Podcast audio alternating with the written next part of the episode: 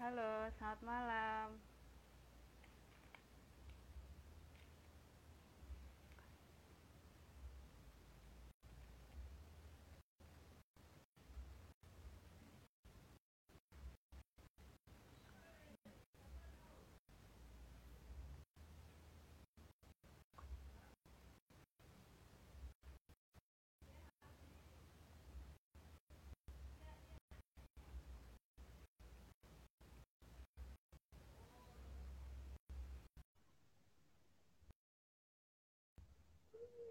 Selamat malam semuanya. Halo Kak Alwi Salam, selamat malam.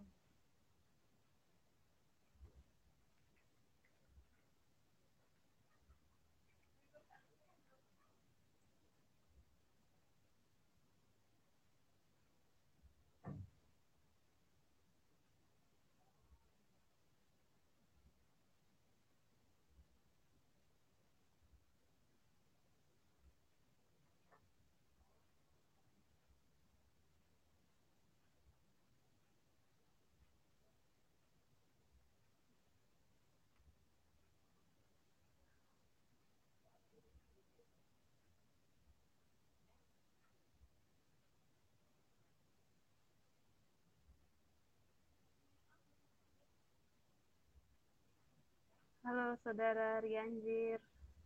Eh, Rian, Rian. Mohon maaf salah.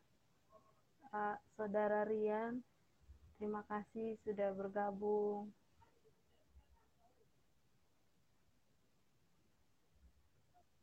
Uh, harap uh, sabar ya teman-teman karena uh, saya uh, mencoba mengundang uh, pembicara dulu.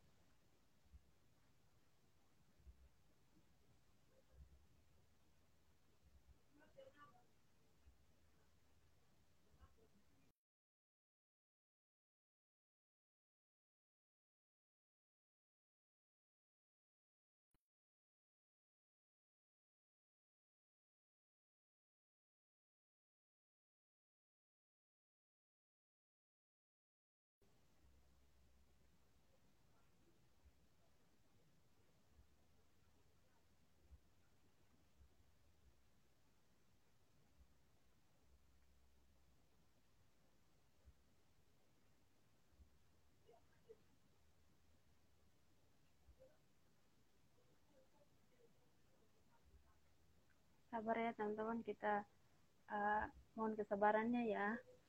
Kami masih undang undangnya dulu. Setelah itu kita mulai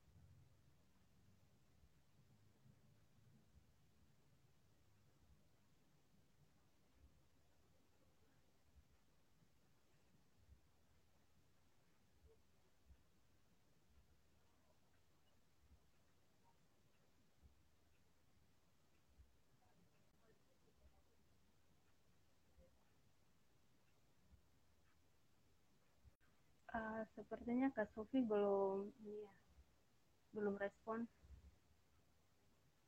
Oh ya, halo Kak Sofi. Akhirnya ya. Uh, saya undang dulu ya Kak Sofi.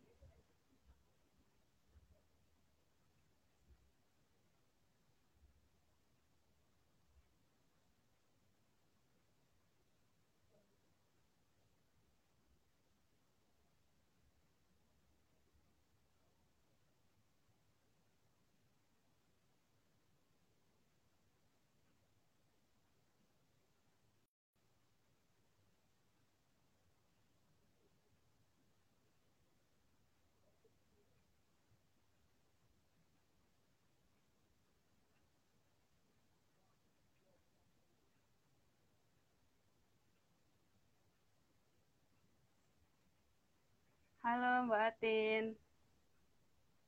Selamat bergabung Mbak. Uh, teman-teman, uh, apakah suara saya uh, kedengaran dengan jelas? Uh, mohon diberitahu ya teman-teman. Selamat malam, Kak Sofi. Malam. Malam. Apa kabarnya nih Teh? Baik, baik, baik. Alhamdulillah. Sehat. Ya, alhamdulillah ya Teh. Ya. Sehat. Uh, nyamannya panggil kakak atau Teh saja? Bebas lah. Mau. Bebas. Bebas saja. Kamu nyamannya apa nyamannya? Oke. ya sudah. Panggil Teh saja ya. iya, boleh. Oke, um, barangkali kita menunggu uh, lima menit dulu ya Teh, soalnya uh, audiensnya baru empat orang nih. Oke. Okay. Kita tunggu sampai uh, 10 orang begitu ya Teh, kita mulai. Iya, yeah, yeah.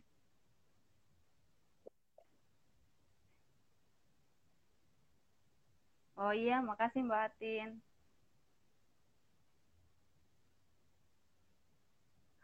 Halo, uh, Saudara Nuni Nurayen. Terima kasih sudah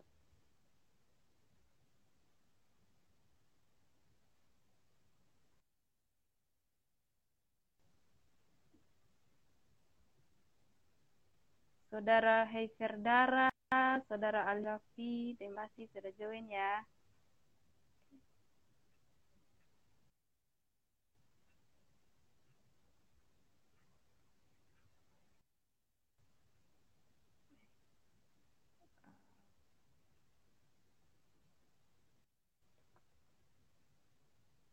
Ini kayaknya masih empat orang ya.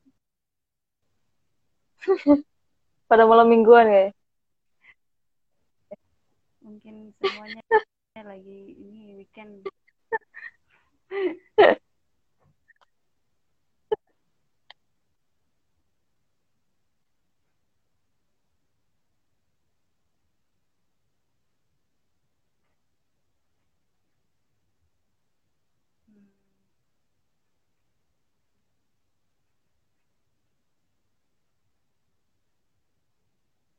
Halo Saudara Nike, Nike Nur Tanjung, terima kasih sudah bergabung.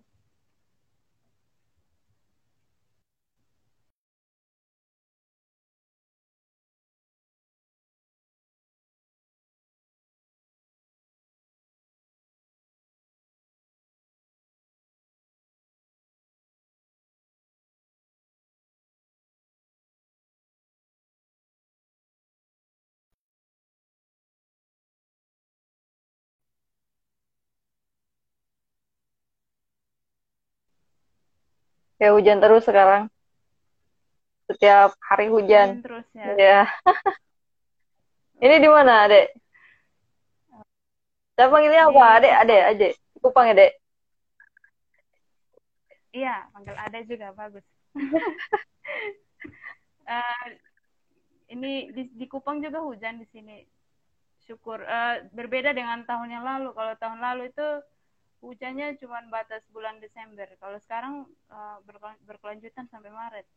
Jadi uh, sumber air sudah dekat, jadi bahagia. Subur. Peternakan di sana subur berarti. Iya, kalau di Sumba ya udah semua sejahtera ya. Iya. Sapi semua sejahtera. Ya hujan nggak? Hijau semua. Jarang lihat uh, matahari kalau sekarang. di Jawa uh, Kenapa? Oh iya di sini. Kalau di Jawa sekarang uh, hujan terus ya. Tapi aman dari banjir ya kak? Kalau tempat saya aman, alhamdulillah aman. Cuman sebagian karena Subang ya, di Subang sekarang ada juga sebagian yang kena banjir daerah Pantura ke sana. Ya tiap hari hujan, relatif hujan. Kalau nggak pagi nggak hujan, sorenya hujan. Sekarang juga lagi hujan. Ya. Oh iya. Tapi syukur ya. nggak terganggu dari hujan itu suara hujan. Iya. Oh iya ya. Oh, soalnya di sini saya berita kebanjiran ya. Itu di Jakarta ya. Yang kebanjiran. Iya, Jakarta juga banyak. Itu ada Pananang ya. Halo Pananang. Halo, Halo. Pak, eh, Pak Nanang, selamat bergabung. Selamat malam.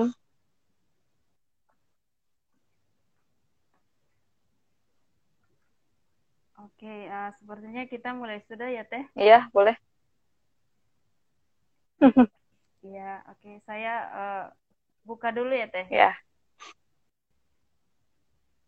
Iya. Halo, selamat malam untuk kita semua. Assalamualaikum, salam sejahtera untuk kita semua. Eh, saya mengucapkan selamat datang, selamat bergabung dalam Alumni Niat Talk eh, Part 10. Eh, dan hari ini eh, saya, Deborah Kapuru, sebagai host telah dipercayakan oleh kamu kelas eh, untuk menjadi host malam ini. Saya juga eh, bilang terima kasih kepada kamu kelas atas yang diberikan. Uh, saya sangat senang sekali bisa bergabung uh, di sini, bisa berjumpa dengan teman-teman. Dan uh, hari ini sudah hadir uh, tamu kita yang adalah uh, Kak Ai Sofi yang merupakan alumni NIAP tahun 2012. Dan tema yang akan kita angkat hari ini adalah A Woman uh, perempuan yang uh, berpengalaman bekerja di uh, bidang uh, pengemukan sapi potong gitu. Nah, sebelumnya saya uh, uh, uh, sebentar uh, kalau di tengah uh, pertengahan diskusi ada dari teman-teman yang mau bertanya terkait uh, tema yang ada bisa ditulis di komen komentar ataupun uh, bisa DM ke akunnya program ya teman-teman. Oke, uh, saya sebelumnya juga mengucapkan uh, selamat Hari um, International Women Day pada bulan Maret ini dan juga selamat Hari Kartini untuk bulan depan di bulan April. Uh, semoga segala pencapaian yang telah dilakukan oleh perempuan di dunia ini terkhusus Indonesia, baik itu di bidang ekonomi, di, di bidang sosial dan juga di bidang peternakan bisa menjadi sumber inspirasi bagi banyak orang dan juga dapat uh, terkontribusi dan untuk kemajuan bangsa. Oke, okay. selamat Hari International Women Day juga buat ini Kak Sofi ya. Makasih. Ini hebat loh. Wanita tangguh di pengemukan sapi potong nih. Oke, uh, mungkin uh, itu perkenalan singkat dulu dari saya. Uh, saya juga uh, mau uh, berikan kesempatan kepada Kak Sofi untuk uh, memberikan uh, perkenalan singkat dan sekaligus menyapa teman-teman sudah hadir di uh, niat uh, talk kali kali ini. Silakan Kak. Oke, selamat malam semuanya. Makasih Adek Debo. Uh, apa ya? uh, perkenalkan ya saya Ai Sofia. Saya alumni NIAP 2012 ya. Um, terima kasih juga kepada panitianya itu uh, terutama Kak Muklas ya uh, sama itu Atin untuk kasih kesempatan saya uh, ngisi apa acara di IG live ini uh, saya apa namanya sekarang lagi uh, bekerja ada di S3 Tata Tiara Kibib ya Kibib Group sejak tahun 2015 sampai sekarang. Ya banyak sekali pengalaman. Suka dan duka. Ya mungkin gitu aja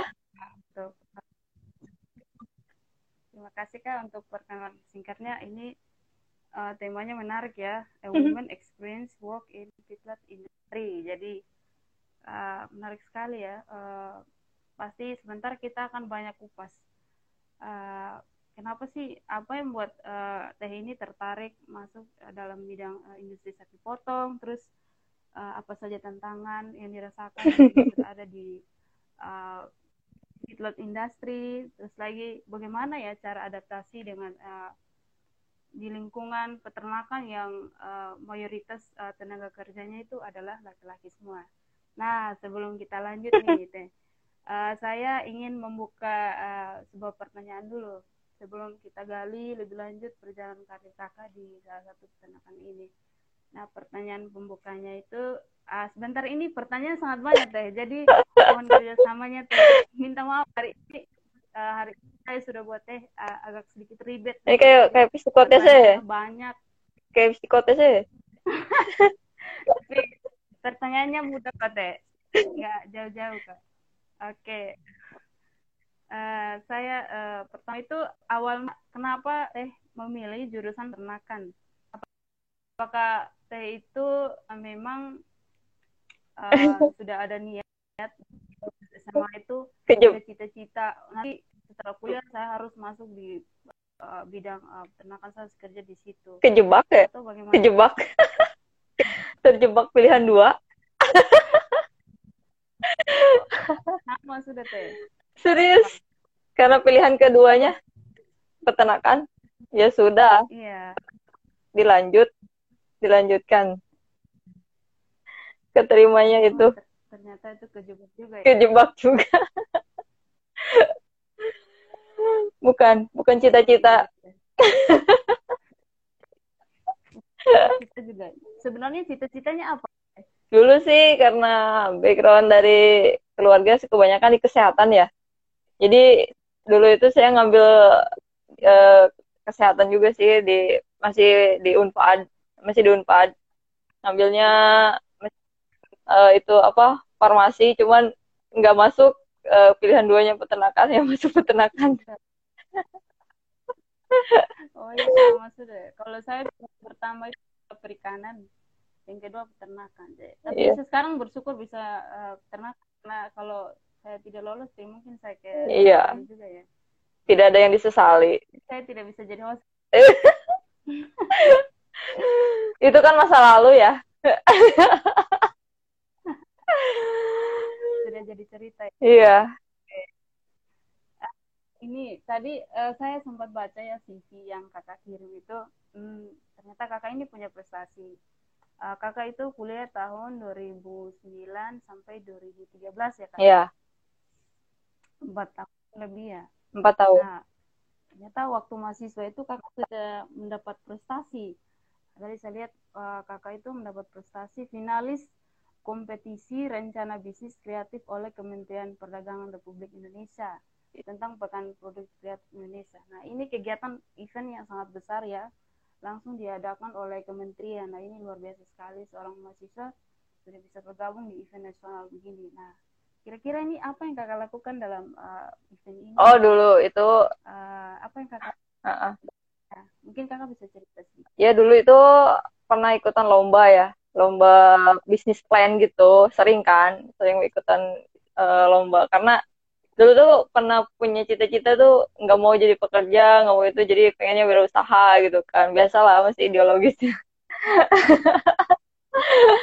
dan uh, sem sempat beberapa kali ikutan UMKM kayak gitu kan wira wirausaha muda mandiri apa apa kayak lomba-lomba dari PKM gitu dari dari tiap apa kayak uh, dari kampus itu kan.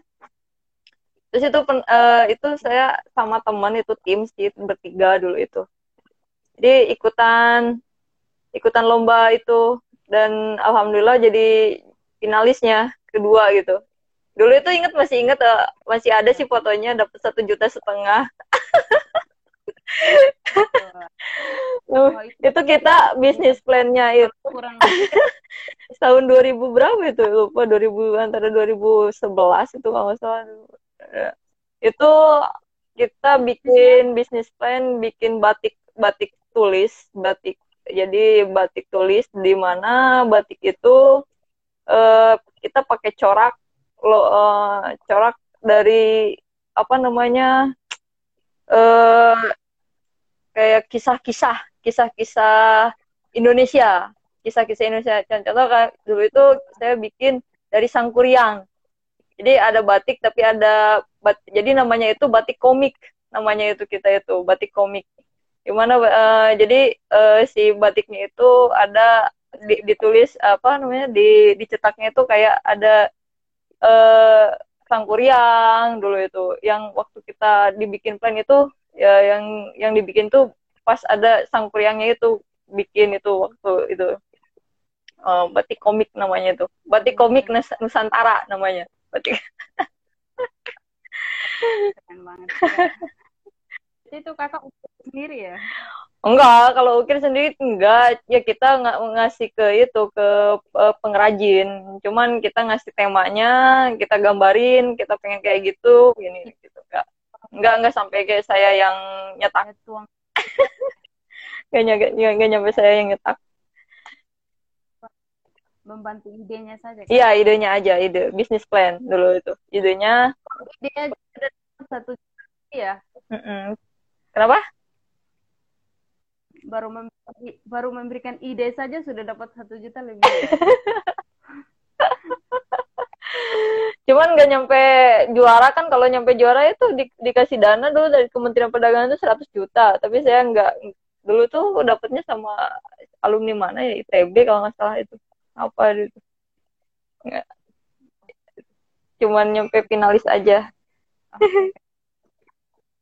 Menarik nih oke okay, uh, eh, saya lanjut ke pertanyaan berikutnya kak. Sebelum kita masuk di karirnya kak ini. Nah uh, selama ini ada dua ada beberapa prestasi nih saya lihat. Yang kedua adalah kakak itu adalah seorang alumni alumni NIAP 2012 nah pernah kebayang nggak sih kak akan uh, mahasiswa gitu pergi ke Australia gitu ya? Gimana tuh kak bisa join di alumni NIAP terus infonya dapat dari mana atau pernah bermimpi uh, saya mau ke dunia apa negara kanguru begitu gimana tuh kak? Uh, itu kan uh, intisnya itu kan uh, niat itu 2012 kan awalnya ya. Uh, ya. ya itu kan pertama, angkatan ya? pertama itu dulu kan saya CBC juga itu bareng-bareng Kang Wahyu oh. uh -uh, kita perintis Kang Wahyu Kang Akbar itu saat uh, kita jadi pengurus waktu itu saya Wahyu sama Kang Akbar, Kang Wahyu sama Kang Akbar itu bertiga kan 2009-nya. Kemudian eh, sama Kang Andre sama Kang Disan itu yang dari Unpad. Kemudian uh, uh, kemudian uh, ditambah dari UB tiga orang Mbak Sapitri sama Mas Muklas terus Mas Anang gitu ya. Itu awalnya kan dulu itu sama itu kan uh, John dari MLA uh, uh, dia membalas email kita. Email yang di yang di email sama kalau nggak salah itu sama Akbar Akbar kan gitu. Jadi apa namanya? Ya kalau cita-cita uh, sebelumnya sih nggak nggak nggak nggak nggak nggak bermimpi untuk pergi ke sana gitu kan. Cuman ada peluang. Alhamdulillah uh, bisa berangkat ke Australia. Kemudian yang lebih berat sih dulu itu harus cuti. Saya sih cuti satu semester kita sama-sama. Iya. tapi kakak termasuk cepat loh. Iya alhamdulillah tetap empat tahun lulusnya jadi saya kejar semua di akhir. Iya. iya. akhir semester. Kelihatan ya wanita tangguh dari akhir semester itu yang lain cuma skripsi aja saya tetap 24 SKS sama skripsi.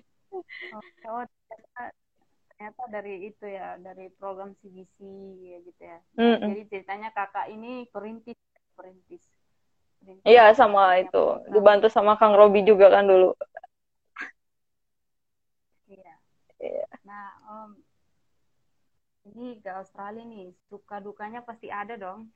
Banyak. Apalagi seorang perempuan. Nah saat kuliah di peternakan Universitas Pajajaran itu kan kebanyakannya materi praktikumnya sedikit biasa lah tapi tiba-tiba ke Australia terjun ke lapangan jadi the real stockman gitu. Nah, gimana tuh kak? Suka sukanya sukanya dulu apa dukanya dulu nih? Boleh mana-mana. Yang kalau misalkan sukanya ya seneng gitu ya. Ini benar-benar uh, new experience gitu kan pengalaman baru. Uh, awalnya saya pernah berpikir pengen ke luar negeri tiba-tiba uh, dapat kesempatan memang sih apa namanya nggak uh, secepat itu gitu kan. Baru berapa uh, semester kan ternyata udah punya kesempatan ya seneng gitu seneng banget gitu kan seneng banget udah bisa menginjakan di benua beda benua malah ini kan beda benua bukan beda negara lagi. Beda benua terus uh, apa namanya banyak ilmu yang didapat gitu kan benar-benar peternakan Indonesia sama peternakan di Australia jauh banget kan? Ya kan dek? Luar negeri. Iya luar negeri kerasa banget. Cuman ya pas di sana yang lebih kagum kan biasanya itu apa namanya satu family gitu kan menghandle banyak banget populasi. Uh, yang itu yang lebih yang bikin kagum banget gitu kan yang pertama kali di yang pertama kali dilihat gitu kan. Sama teknologinya juga kan banyak berbeda.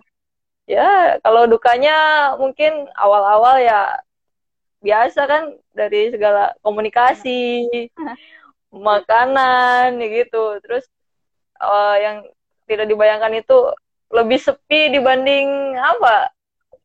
Keadaannya sepi banget. Ini luar negeri atau bukan gitu kan. Saya kan dulu ke Darwin pertama kali yeah.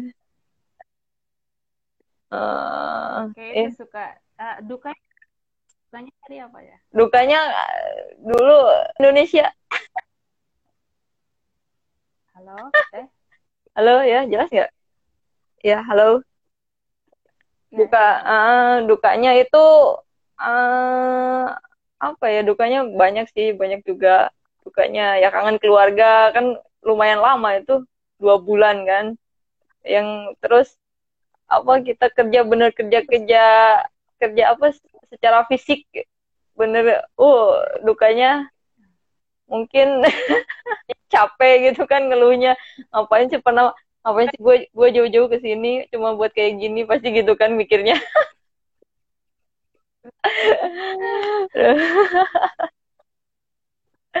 dukanya ya. apa sih begitu? Sudah biasa. Suhunya dingin di Jawa tiba-tiba ke Northern panas. Panas iya uh, uh, uh, panas banget. Oke okay, um, waktu itu jumlah peserta berapa teh? Cuman berapa ke... tiga sama dua Lim, delapan ya lima unpad tiga ub delapan ya jadi Wah, kerasa sekali uh, ke kekeluargaannya delapan orang pergi ke negeri orang kita. Iya, itu cewek cuma berdua doang. Cewek cuma berdua doang, aku sama Safitri. Iya. Terus Iya, Berapa lama itu teh? Dua bulan ya? Dua bulan. Iya, dua bulan. Mm -hmm yang belum tahu apa-apa kan persiapannya kayak gimana gitu kan kita masih meraba dulu kan uh, pertama banget jadi apa ini apa yang harus dibawa ini ini gitu nggak tahu sama sekali iya. terus uh, pasti di sana banyak belajar ya ada teknik-teknik kerjanya kayak arti itu ada mastering, drafting. Iya. Nah, itu uh, mana tuh kak yang kakak paling suka uh, teknik kerjanya selama di station gitu? Ya di sana yang paling suka apa? Suka kerja. yang paling suka itu mastering ya. Saya pakai motorbike soalnya. Oke sebagai oh, ya. Paling belakang aja. Paling belakang. Kalau drafting nggak kenapa teh nggak tahu kuda ah kuda aku nggak bisa kudanya gede-gede banget aku kan kecil sapi Hah? Kenapa? ya pernah ketendang sapi selama draft itu pernah pernah ya sapi. pernah pernah ketendang sapi pernah kalau tapi nyampe luka enggak sih sama drafting sama paling sama winner gitu kan sama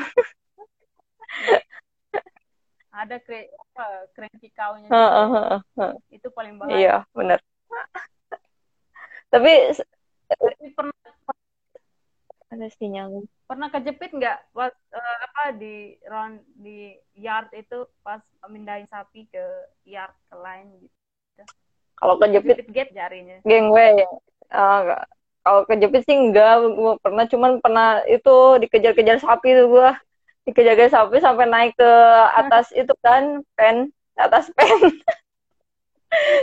Sama dikejar anjingnya itu. Udah mau jatuh tuh nyungsruk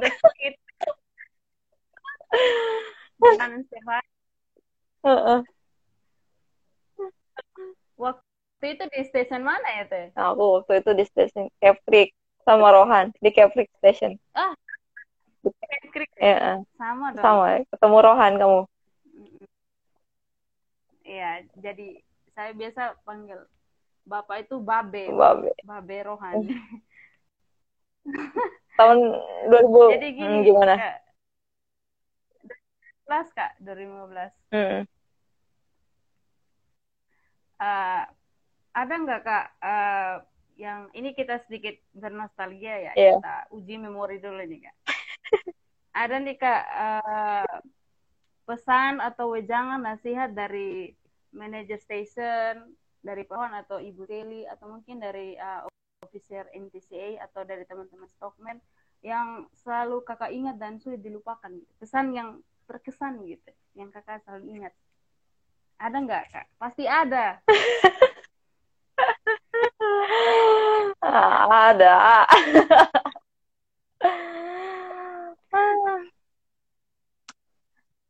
Apa ya tuh pernah tuh si itu ya Jim Jim dia tuh ng ng ng ngajarin mobil dulu itu dulu, di sana di Keprik. Pesannya kan ya kan uh, waktu itu aku tuh belajar juga kan nabrak itu. Kamu pesannya tuh kayak kayaknya kamu nanti pulang dari sini bisa mobil gitu kan hati-hati. Tapi uh, kamu jangan jangan jangan jangan lupa jangan lupa pakai sabuk pengaman. Karena tuh aku setiap apa setiap mau naik mobil paling paling sering di itu terus apa lupa pakai sabuk pengaman gitu. Jadi pas di sini alhamdulillah kan sekarang udah bisa mobil. Jadi aku tuh kalau mau ngikat sabuk pengaman mau nyetir ya aku tuh inget inget inget inget itu bapaknya Rohan itu ke bapaknya dia kan baik banget ya orangnya. Sama ya? Baik banget. Sabar banget aja. banget. Kok sama ya? Saya juga pesan beliau juga kak.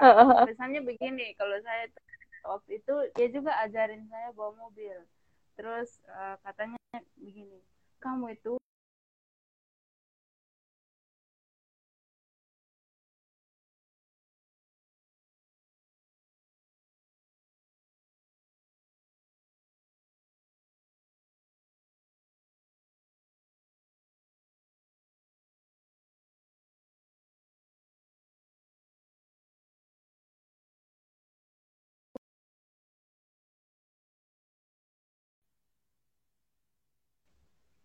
Halo Teh, ini kedengaran tadi? Iya, barusan sinyalnya ini ke keganggu kayaknya. Malu hujan nih. Iya. Iya. Iya, hujan. Mm -mm. Jadi uh, waktu itu saya juga diajarin mobil. Mm -mm. Sama ya, sama-sama. Kasusnya sama kayak Teh nih. Mm -mm. Uh, bilang, uh, Deborah kamu harus bawa mobil. Kalau bisa kamu kamu bisa usaha bisa supaya kamu pulang ke Jakarta katanya. Hmm. pilih itu Bunda HI sambil bawa mobil begitu. Jadi saya itu so, lucu kadang kalau ingat. Jadi kalau nonton TV lihat Bunda HI lihat berita terus lihat Bunda hmm. kebayang. Apa keliling itu Bunda sambil bawa mobil? Itu yang paling uh, terngiang-ngiang. Iya. Nah ini teh dampaknya teh. Dampaknya setelah pulang dari Australia itu apa sih yang paling merubah kakak gitu? Dampaknya ya? Mungkin dampaknya lebih ke saya lebih lebih disiplin lebih disiplin aja ke waktu. Jadi lebih menghargai di uh, lebih lebih jadi saya itu lebih menghargai waktu awalnya kan sekali leha gitu. Jadi ya sekarang lebih ini aja waktu dulu ya awal-awal itu kayak di sana kan bener-bener apa namanya uh, disiplin banget ya sama waktu nggak bombong itu kan. Ya jadi sekarang jadi lebih ke apa ya ngenyadar diri gitu.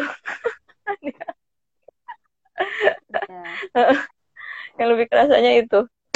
Setelah banyak pergi-pergi ke ini ke apa sama ke luar negeri gitu jadi ya lebih menghargai waktu lah jadinya ya sepertinya segala sesuatu diatur oleh waktu ya mm itu teh etos kerjanya juga ya teh mm -mm. oke okay. uh, eh, Oke, kita lanjut ya. Lompat lagi pertanyaan berikutnya, Teh. Itu ada Kang Robi. Halo. lagi ya, Teh. Halo, Kang Robi Agustiar. Selamat malam. Salam hormat dari Kupang, Kang. malam, Kang. Jadi, uh, saya juga tadi ada lihat nih di CV. CV, uh, ternyata kakak juga punya prestasi uh, prestasi tapi itu sudah kerja ya kakak sudah kerja apa tuh um, CV-nya itu kakak pernah mendapat beasiswa Australian Awards Indonesia uh, di tahun 2017 dalam short course uh, kursus singkat livestock and animal husbandry ya kak? Iya. Nah itu seru juga nih kak. Berarti kakak nih double ya? Double pergi. Double ya Australia lagi nih. Nah gimana tuh kak? Apakah ini juga melalui proses seleksi juga? Ya uh, itu. terus, uh, oh proses seleksi juga ya kak? Seleksi tapi perwakilan dari itu apa uh, perusahaan. Tapi diseleksi juga. Jadi tiap perusahaan itu kan dulu tuh harus ngirim ngirim delegasinya tapi tetap juga di diseleksi juga sama pihak KAI-nya dulu. Oh, Uh, terus uh, ini kembali ke Northern Australia atau ke Westnya, Westnya atau negara Australia bagian mana nih kak? Itu di New apa di Armidale, New England, New England, oh. New England dulu. Iya, ini belajar tentang sapi potong atau sapi perahnya? Sapi potong lagi. Karena kan memang dari perusahaan sapi potong yang harus itunya. Yang harus mendaftarnya itu. Dulu bareng juga sama sama ada ada ada dua alumni lagi nih yang bareng sama saya. Itu Febrina, Kak Febrina sama oh, iya. Mas Dimas, Dimas Sarip. Bareng. Oh iya. Iya bareng juga itu berangkat tuh oke tapi waktunya lama nggak teh berapa lama 40 itu? hari satu bulanan lah 40, 40 hari lah itu pelatihan apa saja kak yang kakak dapat di sana? Apa hampir mirip juga kayak di Norton gitu? Atau ya. pelatihannya ya sama aja sih tapi lebih ke apa sih kayak lebih ke kalau secara manajemen sama ya secara manajemen. Cuman dia juga lebih ngupas ke uh, pasar gitu marketingnya kayak di di Indonesia tuh kayak gimana juga gitu kayak gitu juga sih. Selebihnya sih sama aja sama aja. Cuman lebih ngupas kayak stud, uh, studi kas studi, uh, kasus-kasusnya di feedlot di perusahaan tuh kayak gimana terus solusi dari mereka tuh kayak gimana juga gitu. Jadi kayak lebih ke kita punya masalah apa sih di perusahaan gitu. Jadi satu-satu bikin presentasi gitu kan. Terus mereka juga ngasih saran solusi itu itu lebih ke itu. Jadi sepulangnya dari sana juga kita eh, apa namanya harus diaplikasikan gitu. Eh, apa yang apa yang apa apa yang kita butuhkan di Indonesia setelahnya kita uh, konsultasi ke sana ketika pulang di uh, di perusahaan itu di Indonesia kita harus aplikasikan itu benar-benar juga gitu. Karena itu laporan juga sama pimpinan gitu. Uh -uh. itu jelas ya. Ya jelas tujuan perginya. Berarti uh -uh. terkait sekali dengan uh, bidang kerja yang kakak lakoni sekarang ya? Iya. Itu sangat wah itu sangat berdampak sekali dan luar biasa sekali ya teh itu sebagai bekal juga ya kita ya ya buat bekal pengalaman ya. juga bekerja iya. oke uh, sekarang uh, kita lanjut nih kak masih lanjut masih semangat tuh kak Udah berapa lama nih kita? yang Ini kan, yang nonton ngantuk kayaknya nih. Kita sekaligus merayakan hmm? kita sekaligus merayakan uh, di Women International Day jadi harus semangat ya kak. Eh, semangat, semangat lah. Oke, okay. okay, uh, kakak sekarang kan kerja di PT Estika Tata Tiata nih.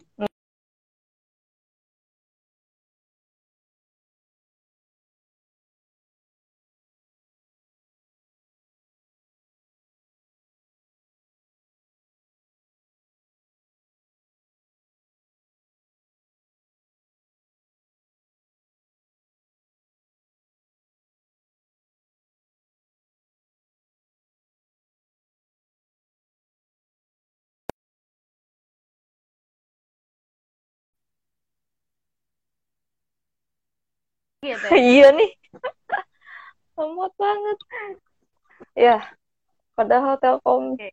Eh, kakak di PT Estetika Tata Tiata yang bergerak di pengemukan sapi dan meat processing nih. Ya. Nah, kakak nih kapan ya kakak gabung di perusahaan feedlot ini? Tahun berapa mulainya? Dari tahun 2015. Agustus 2015. 2015. Udah lama ya?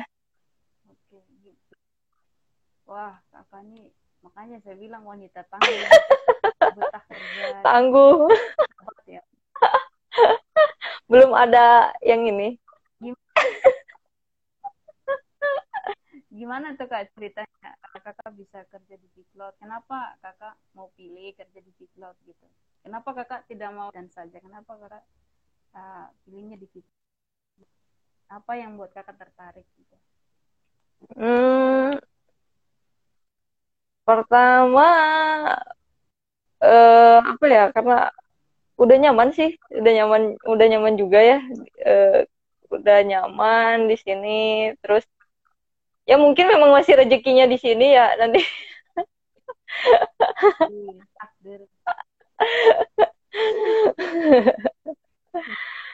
yang membuat tertarik. Ya?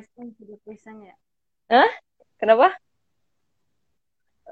Udah jadi passionnya mbak gitu ya? Iya. Bisa jadi bisa dikatakan karena karena udah lama ya udah lama juga udah berapa udah lima tahun lebih berarti udah lima tahun lebih sekarang ya. Dulu. Iya. karena nyari pekerjaan nyari pekerjaan ya di sapi potong lumayan apa ya misalnya di, di pilot gitu kalau misalkan uh, lumayan susah lumayan peluangnya gitu kan kalau buat cewek itu agak agak agak apa agak susah juga ya. Jarang juga. Bener gak ya, uh, terus terus uh, kebetulan kan saya di feedmillnya ya mungkin agak nggak uh, terlalu kayak di kandang juga kayak misalkan fisiknya juga nggak jadi mungkin uh, nggak nggak terlalu terlalu fisik sih sebenarnya. Enak sih sebe uh, itu. Uh, iya. Uh, terus uh, ya kalau misalkan terus, uh, sekarang udah berkeluarga tetap ya waktunya juga nggak nggak terlalu banyak menyita ini apa di kerjaan. Jadi bisa membagi waktu juga buat keluarga sama kerjaan gitu. Syukur yes. syukurlah nggak sama kayak di Indonesia kenapa tuh waktunya dari jam 6 sampai jam 6 sore kalau di NT kan. Iya, uh, kalau di NT kan nyampe keluar apa? Uh, keluar gelap, pulang juga gelap. gelap. Gak tahu batasnya. Cukup. Oke lah.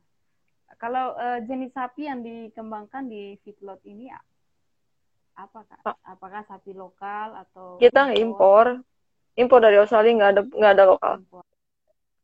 Sama aja. Itu jenis sapinya apa? Brahman, ada Brahman, ada Dragmaster ya, kayak gitu-gitu aja. Eh, kapasitasnya berapa ekor populasi? Kalau kapasitas poli enam ribu, enam ribu ekor. Oh, perusahaan besar ya. Lumayan. Enam ribu ekor. Kalau jenis pakannya itu biasanya dikasih apa? Oh hijauannya itu hijauan apa? Konsentrat. Kalau pakannya kita konsentrat, hijauannya kita pakai jerami, pakai jerami sama rumput ya, rumput gajah. itu dua dua macam aja uh, ya HMT-nya hijau apa rumput gajah sama jerami itunya sama konsentrat biasa oh, iya. Ini teh pernah nggak teh uh, ternak itu sakit gitu selama uh, proses uh, pengumuman itu? Terus penanggulangannya apa saja? Kenapa? Sakit apa sapinya? Maksudnya? Iya. Pernah nggak uh, maksudnya uh, ternak itu mengalami kendala oh iya. penyakit? Pernah lah pasti. Kasus-kasus banyak. Pasti contohnya teh. Contohnya pernah pernah tuh kita punya sapi berapa uh, nyampe ke apa asidosis. Penyakit asidosis uh, sampai berapa ya? Nyampe ada lah sampai 100 lebih lah 100 satu satu pen setengah. Penanggulangannya ya kita sama dokter hewan juga sih sama ininya medisnya. Ya harus disembuhkan nggak boleh di ini dipotong paksa. Kalau memang yang kalau memang yang udah kritis ya? kalau ya ada yang yang beberapa yang memang udah kritis ya udah di, di PP juga sama kita dipotong paksa. Ada yang harus tunggu juga karena kan kita juga punya target gitu kan target margin dan target ini juga. Perusahaan kan gak, kalau perusahaan kan gak, gak mau tahu ada prosesnya apa yang yang yang pengen tahu ya kan tetap endingnya kan marginnya untung apa rugi gitu. jadi usahakan supaya jangan rugi kan iya jangan rugi Nah, limbah lagi nih teh. Cara menanggulangi limbah ternaknya itu gimana kalau di kita? Kalau di kita sih limbahnya eh, nggak uh, di apa-apain ya maksudnya ya ada sih tempat pembuangan gitu. Jadi fermentasi secara alami aja, alamiah kalau buat limbahnya. Ya kalau misalkan udah kering nanti ada yang ngambil sendiri buat ke perkebunan. Perkebunan jadi ngambil sendiri. Ya udah ngambil silakan ambil secara gratis. Kita ambil. Yang penting mereka bawa kendaraan. Yang penting mereka bawa kendaraan silakan ambil oke keren keren banget nih teh jadi ini menarik sekali ya teh uh, kalau pemasaran nih teh fokusnya fokus pemasarannya di mana apakah konsumen itu datang beli sendiri kalau pemasaran sih karena kita punya meat processing sendiri gitu ya. Uh, jadi kita lebih fokus ke pemasaran produknya, produk daging daging olahannya gitu. Kalau misalkan sapi hidup itu kayak apa ya? Kalau misal kita punya stok lebih, baru kita jual sapi hidupnya gitu. Kalau misal, uh, kalau misalkan nggak buat kita aja belum terpenuhi kebutuhannya buat kita ya kita nggak jual sapi hidup jadi kita lebih ke produknya jadi lebih ke jual da dagingnya gitu daging hasilnya hasil daging itu oh ya ini nih yang saya tanyakan karena tipe bisnis ini kan penggemukan dan meat processing yeah. ya sebentar terakhir kayaknya mau tanya posisinya itu seperti apa. Tapi sebelumnya ini dulu deh. Berapa lama sih sistem panennya itu sistem pemeliharannya itu sehingga sampai dijual itu di pasaran? 120 hari. Jadi uh, hari. Uh, jadi uh, mulai dari 100 hari udah dipanen uh, jadi gimana dari BCS sapinya sendiri gitu? Kan kita ada grade-nya ada uh, A B A B C A B C. Kalau misalnya itu kan dari bobot bobot badannya. Kalau A itu jadi kalau misalkan uh, udah kan ada kita impor itu nggak nggak semua rata kan? Uh, pas datang ke sini. Jadi kan kita grading lagi kita pisahin di uh, biar supaya nanti panen itu uh, ketika udah di atas 400 400 up udah bisa dipanen di umur 90 hari 100 hari udah bisa mulai panen hingga terakhirnya di 120 hari. Karena kalau misalkan udah DWF lebih panjang, lebih lebih dari 120 hari itu kita ke feed cost-nya lebih mahal, uh, marginnya juga bakal apa namanya rendah gitu. Jadi targetnya itu 100 ending panen itu 120 hari biar tetap kecape uh, apa marginnya gitu. Oke. Rata-ratanya 120 hari ya? Iya. ya ada yang 90 tapi kebanyakannya 120 iya gitu ya. 120 hari panennya oke nah ini kan kakak ini kan saya lihat di CV itu kak, kakak jabatannya posisi di sini sebagai supervisor fit meal ya? Supervisor meal. nah kan kita tahu kan pada umumnya supervisor itu uh, pekerjaannya itu cukup berat juga. Apalagi ini yang dilakukan ini adalah seorang perempuan. Nah karena supervisor ini dia harus banyak memastikan super. semua pekerjaan dilaksanakan dengan baik terus sampai semua proses produksi berjalan lancar harus ada monitoring lah ada instruksi kerja lah ada pengawasan lagi tenaga kerja nah kalau kakak nih sebagai super uh, Fisher uh, Fitmil tanggung jawab yang kakak lakukan sekarang itu apa ya kak? Ya itu mengawasi uh, apa uh, segala sesuatu yang terjadi di Fitmil dari mulai dari mulai plan produksi sampai laporan juga saya yang mengawasinya gitu handle-nya. Jadi kayak plan plan plan produksi hari ini bikin berapa ton kebutuhannya berapa terus kayak bikin proyeksi juga proyeksi produksi bikin proyeksi kebutuhan bahan bakunya. Jadi mengawasi berjalannya produksi itu dengan secara SOP juga itu udah bener apa belum gitu harus diawasi juga gitu. Kayak misalkan uh, bahan baku juga datang bahan baku itu harus sesuai dengan kualitas yang ditentukan oleh standar dari perusahaan ya, jadi kontrol semua. Belum lagi nanti terima pengeluhan dari tenaga kerja. Ya itu mah udah jelas. Sulit di sulit diatur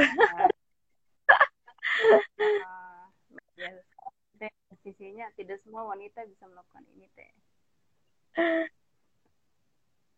Apresiasi. Nah skill yang paling dibutuhkan nih teh untuk jadi supervisor fitmil nih di Kipnot boleh nih kak skill? Dong. Enggak yang skill. yang terpenting sih leadernya ya leadershipnya. Yang saya rasakan itu ngeliding uh, real uh, bener bener-bener harus uh, bisa memanajemen uh, apa uh, tenaga kerja. Karena kan kita kerja itu bukan sendirian teamwork gitu. Jadi ketika dipercaya jadi suatu itu posisi jadi apa pun ya kita harus tetap harus bisa uh, jadi leader harus ngelidernya juga gitu. Skill skill kalau misalkan kita nggak punya bakat di misalkan ini apa uh, contoh misalkan uh, kalau skill sih eh, nggak bisa misalkan nggak bisa A gitu. Ya kita tinggal ngerekrut aja si yang bisa mampu melakukan itu gitu. Jadi kita yang harus bisa nge ininya ngeplotting orang ya nge, uh, gimana ininya gitu. Manajemennya. Jadi organisasi juga itu sangat penting juga untuk uh, bekerja nanti. Sebenarnya itu. Makanya bekal bekalnya sudah banyak mulai dari kuliah, ya kan?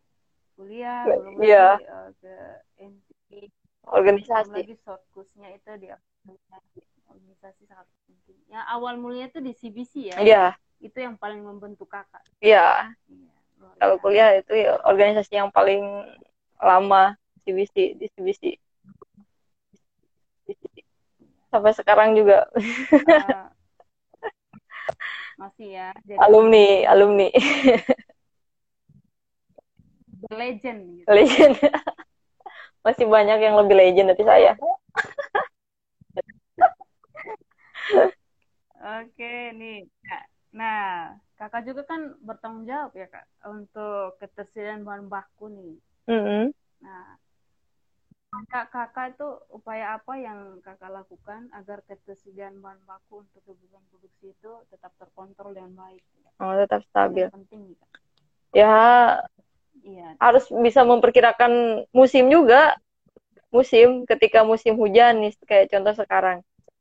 Kan pasti bakalan sulit untuk mendapatkan onggok. Ya, itu berarti kita harus benar-benar bikin proyeksi bahan bakunya itu harus uh, kekuatannya untuk berapa bulan. Ya kita bikin buffer stock gitu. Minimal ya bikin satu bulan setengah apa. Terus ketika uh, ini musim ini nggak ada panen tebu berarti molasses bakal sulit kan? Itu yang harus dibikin apa proyeksinya kebutuhannya berapa. Jadi jangan mendadak. Minimal ya dibikin buffer stock 45 hari satu bulan setengah ya biar aman. Jadi tidak gonta-ganti bahan baku. Formula juga nggak gonta-ganti. Karena kan sapi potong itu sangat singkat ya cuma tiga bulan. Kalau dalam satu bulan aja satu berubah formula itu sangat e, drastis sekali gitu untuk e, produksinya. Ya tuh anggaplah misalkan turun 200 gram per hari kali e, berapa hari itu. Kali berapa sekarang. Itu kan loss yang hilangnya berapa? Iya. nilai jualnya juga nanti berkurang ya teh? Iya. Iya. Jadi ibaratnya sedia payung sebelum hujan. Iya. Jadi memang okay. baper stoknya jangan jangan minim minim minimal satu bulan lah. Jadi ketersediaannya tetap continue. Nah kalau kalau untuk kualitas produk produknya nih Teh, kalau cara mengontrolnya tuh bagaimana? Kalau kualitas produk kita jadi kan kita juga punya SOP sendiri ya sesuai standar perusahaan. Ya eh, dari mulai penerimaan kalau misalkan tidak sesuai dengan standar dari perusahaan eh, kita tolak gitu kan. Supaya uh, kualitas bahan baku tidak mudah rusak benar uh, kalau misalkan tidak sesuai ya kita tolak. Kalau misalkan sesuai ya kita baru terima gitu. Kayak misalkan contoh dari kita biasanya ngecek dari yang paling nggak mudah itu dari kadar air itu kadar airnya uh, secara secara fisik ya visual dari baunya gitu gitu kayak bau uh, kayak teksturnya uh, biar uh, apa uh, si ketahanannya tetap sesuai dengan apa yang kita inginkan gitu itu aja sih iya jadi uh, apa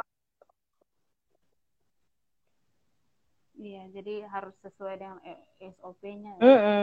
jadi kalau misalkan ya ini memang jelek jangan ya jangan kita terima gitu. Misalkan dikasih molasses ternyata BJ-nya rendah. Bricknya rendah. Ya udah jangan diterima itu karena kalau misalkan diterima ya nanti kita yang produksi yang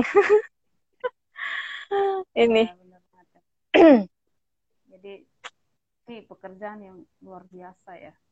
Luar biasa banget nih teh pengontrolannya cukup banyak ada juga pengawasan tenaga kerjanya lagi nah, itu kalau dibahas nggak bisa oke okay. Nah, ini teh tipe bisnis yang kakak lakukan, ya, teh lakukan sekarang kan pengukuran sapi, ada juga meat processing nih. Iya. Nah, ini saya saya penasaran ya, gimana sih uh, meat processingnya itu mulai dari apa sapi hidup sampai menjadi sebuah produk gitu yang bisa dinikmati oleh uh, konsumen gitu. Ya. Kedengaran teh? Gimana? Pertanyaannya? ini kan uh, uh, apa bisnis yang kakak lakukan sekarang kan ada dua tipe ya mm. penggemukan sapi dan juga meat ya ya nah, yang saya ingin tanya uh, meat processingnya itu gimana ya oh meat processingnya mulai dari sapi hidup sampai jadi ya dari dari dari dari kita penggemukan sapi kan dari mulai kita penggemukan sapi terus kita potong di RPH kita punya RPH sendiri. Punya RPH sendiri terus kita boning uh, maksudnya terus kita processing. Ada yang dijual karkas ada yang kita jual karkas ada yang kita jual daging beku ada yang kita jual bentuk produk kayak beef slice kayak saikoro yang sekarang lagi trending ya. Uh, apa saikoro sama beef slice itu yakiniku gitu. Kayak yang uh, yang udah kita cutting kayak misalkan daging rendang yang buat ibu-ibu yang uh, pengen ngerendang sekilo gitu kan. Daging rendang daging semur udah ada gitu kita kemas uh, per, per kilo. Terus kalau pengolahannya itu itu dari uh, segi persen cut gitu ya yang udah di cutting yang cuman cutting aja. Terus ada yang diolah juga kita punya sosis kita punya nugget Iya, kita punya bakso juga ada kita punya burger burger uh, beef burger terus mungkin ada nyeleneh juga kita punya kipau kibip bakpau ada juga kipau isinya daging sapi ya, gitu itu sih pengolahannya beberapa beberapa produk kita gitu ada sticknya ada uh, gimana konsumen maunya kayak gimana gitu. Kalau misalkan kita uh, masukin ke uh, Pizza Hut, kita bikin mince cooknya, mince beef, uh, mince cook itu buat topping ke Pizza Hut, uh, mince cook, uh, mince beef. Uh, kita yang masak, jadi pas Pizza Hut itu udah tinggal manasin, tinggal kasih topping, toppingnya aja gitu. Itu produk kita juga yang nyuplai ke Pizza Hut. Itu kalau kalau bang olahannya. Jadi kalau bakso mungkin bervariasi. Uh, uh, bervariasi gimana? Jadi menyesuaikan customer. Customer mau kayak gimana kita bikinin. iya. Jadi uh, eh, PT ini perusahaan kakak. Saya coba cari-cari di YouTube. Boleh dicari aja. Dan ternyata abotoyannya tuh langsung di situ ya? Iya, nggak nggak jauh. Jadi kita giring di dari kandang, jadi langsung masuk ke obat ke RPH langsung dipotong langsung kita bonding juga kita processing makanya kalau jual sapi hidupnya sedikit aja apa, kesibukan banget kalau apa di tempat kerja ya mulai dari kandang pergi lagi ke abotoir gitu ya iya nah, itu lah biasa banget deket soalnya sapi hidup urus lagi olah produk Nah, kakak ini keren banget sih. Uh, tips supaya kerjanya awet di feedlot itu apa? Awet, maksudnya betah gitu. Betah gitu. iya. Kebutuhannya, pertama kebutuhannya. Kebutuhan. supaya awet ya dibikin enjoy aja deh, jangan enjoy uh -uh. seneng sih sebenarnya seneng banyak apa ya jadi banyak link-link juga kenalan gitu kan seminar-seminar juga jadi uh, kayak suka ikutin seminar juga apa gitu kan begitu ya jadi apa ya kesibukannya ya nyaman aja gitu tipsnya nggak usah dibikin beban Sepertinya ini jadi passion ya. Iya. Udah lah, nggak bisa. Sudah passion nih, Mbak. Hmm. Oke. Kalau tantangan nih, Teh, yang dirasakan Tantangan ya. bekerja di Fitlock. Kalau udah kalau udah Ya, tantangan. berumah tangga tantangannya sih kalau weekend harus kerja. Karena kan kalau peternakan Tapi nggak nggak ada libur. ada ya ada libur. Jadi cuman kalau di peternakan kan liburnya kita ganti-gantian, nggak bisa tiap minggu terus libur gitu kan. Ya, ganti-gantian sama partner kita. Kalau ketika datang sapi bongkaran dari Australia, walaupun tahun baru malam-malam ya tetap aja kan kita juga harus tetap jaga, nggak bisa ditinggalin. Hmm, bener banget ya. Belum lagi kalau RPH itu biasa potong hewan tengah malam. Iya, tengah malam, eh, apalagi kalau mau lebaran itu pasti yang lain sibuk mudik, kita masih di kandang aja. Wah, itu deh tantangan itu. ya. Oke, ini ya, ini paling terakhir nih pertanyaannya teh. Nah, Oh, udah selesai berarti? caranya Udah mau selesai. Udah mau selesai. Udah mau selesai. Tahu ini sekarang sudah jam berapa ya? Jam berapa ini? Saya sudah jam 11 ya. Di Jawa sudah jam 11 ya. Iya. Kalau di sini sudah jam 10 teh. Jam 10. Iya, kalau di Kupang di sini. Nggak kerasa ya, Teh? Nggak kerasa. Biasanya sangat asik. Ini Teh, cara beradaptasi dengan eh, lingkungan di feedlot eh, yang mayoritasnya kaum laki-laki gitu ya. Apalagi sebagai seorang supervisor gitu ya. Perempuan lagi. Perempuan sendiri. Perempuan sendiri ya. Iya nih, Kak. Adaptasinya yang mungkin gimana ya? Eh, ya kita nggak ini sih sebenarnya nggak usah pilih-pilih teman gitu.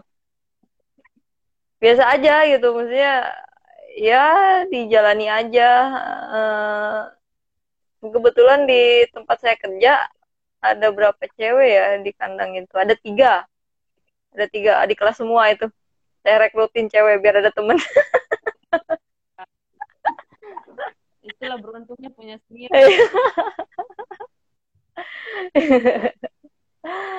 ada tiga di kandang satu sama saya rekrut satu, eh, di pinmil satu. Jadi saya ada temennya di pinmil jadi dua cewek di kandang satu.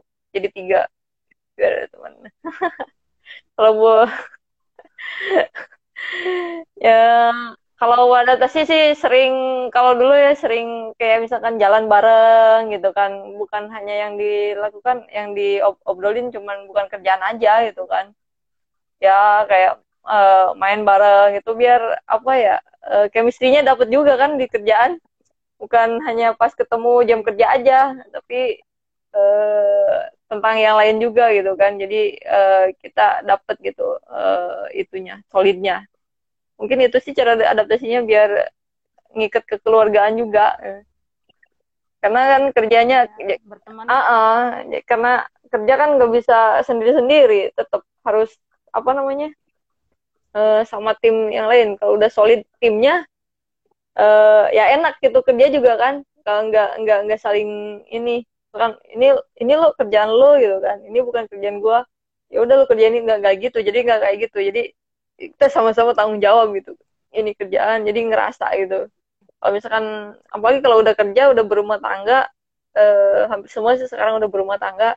Jadi udah mengerti kalau misalkan si A nih sakit atau apa si A nggak bisa masuk kerja atau apa kita mengerti gitu mami jadi eh, ini yang harus dikerjain sama dia tuh ini ini. Jadi jadi nggak ketinggalan tetap harus karena kan kalau perusahaan nggak nggak mau tahu gitu dia masuk atau enggak ya tetap sistem harus tetap berjalan gitu kan perusahaan ini bisnis tetap harus jalan jadi kita harus bisa menghandle juga semua pekerjaannya yang mereka tinggalkan ketika mereka nggak masuk juga gitu Oh, iya. Di bawah asik aja. iyalah Keren, keren banget. Menarik banget. Ah ini ada teman saya nih, uh, Firda ya, Firda. Halo Firda, apa kabar? Ini teman ang angkatan alumni 2015 juga nih teh, ada di sini. Nah, um, kita sudah di penghujung acara nih teh. Uh, ini saya minta the last uh, statement deh dari teh. Ada pesan nggak teh? Pesan untuk uh, semua para sarjana gitu, untuk memotivasi gitu. Uh, ya sih para sarjana para perempuan gitu. perempuan ya? Terutama perempuan ini ya? Temanya kan perempuan. Ya bisa ikut jejaknya teh nih tangguh. Keren banget. Uh, apa ya sarannya motivasinya? Uh, apa sih? Lakukan lakukan yang kamu inginkan. Ikuti apa yang kamu mau Oke, okay. yang kamu inginkan ikuti kamu mau. Eh. Uh. Okay. Ini pengalaman ya Teh. Iya.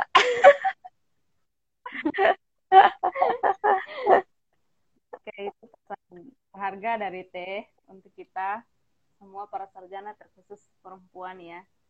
Nah, sekali lagi uh, kita sudah di penghujung acara. Saya ingin mengucapkan uh, menyampaikan terima kasih banyak kepada Teh Sopi. Uh, saya sangat bersyukur sekali bahagia bisa bertemu senior saya di sini, senior alumni NIAP ya. Kalau padahal sebelumnya ini belum pernah bertemu dengan Kak Sopi, apalagi berbincang cukup lama ya sejam lebih. cukup lama seperti ini. Tapi, Sekarang gimana? Udah uh, bekerja apa belum? Iya, Masih kuliah? Masih kuliah kan?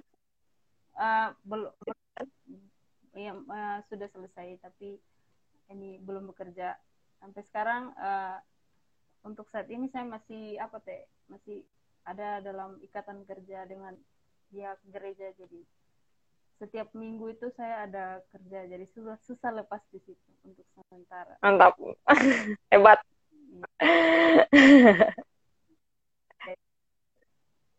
Uh, terima kasih banyak teh karena sudah meluangkan waktu sudah menjawab pertanyaan dari ini pihak penguji nih teh. Penguji teh. Oke. Okay. menjawab pertanyaan meluangkan waktu memberikan inspirasi untuk kita semua di sini dan ini sangat berharga dan juga sangat menginspirasi bagi kita semua. Dan semoga niat talk kali ini boleh memberikan informasi dan memberikan inspirasi yang baru dan boleh bermanfaat untuk kita semua ya teman-teman dan minta maaf juga kalau selama proses ini ada salah-salah kata. Ya dari saya pribadi ya teh. Minta maaf dan juga untuk teman-teman semua. Mungkin salah mengucapkan nama tadi. Sempat juga salah mengucapkan nama para audiens juga. Minta maaf ya teman-teman. Iya nggak apa-apa. Dan sama-sama. saya juga uh, berharap kepada teman-teman semua agar tetap menyaksikan terus acara alumni ini karena akan terus hadir tiap dua, dua minggu sekali dan kita akan melihat dan mendengar cerita-cerita seru yang pastinya sangat bermanfaat untuk kita semua. Oke teh, terima kasih banyak teh untuk okay. hari ini. Sukses selalu, selalu salam hangat untuk keluarga. Sama-sama. Teh, salam. Dah. Dah semua teman-teman. Bye.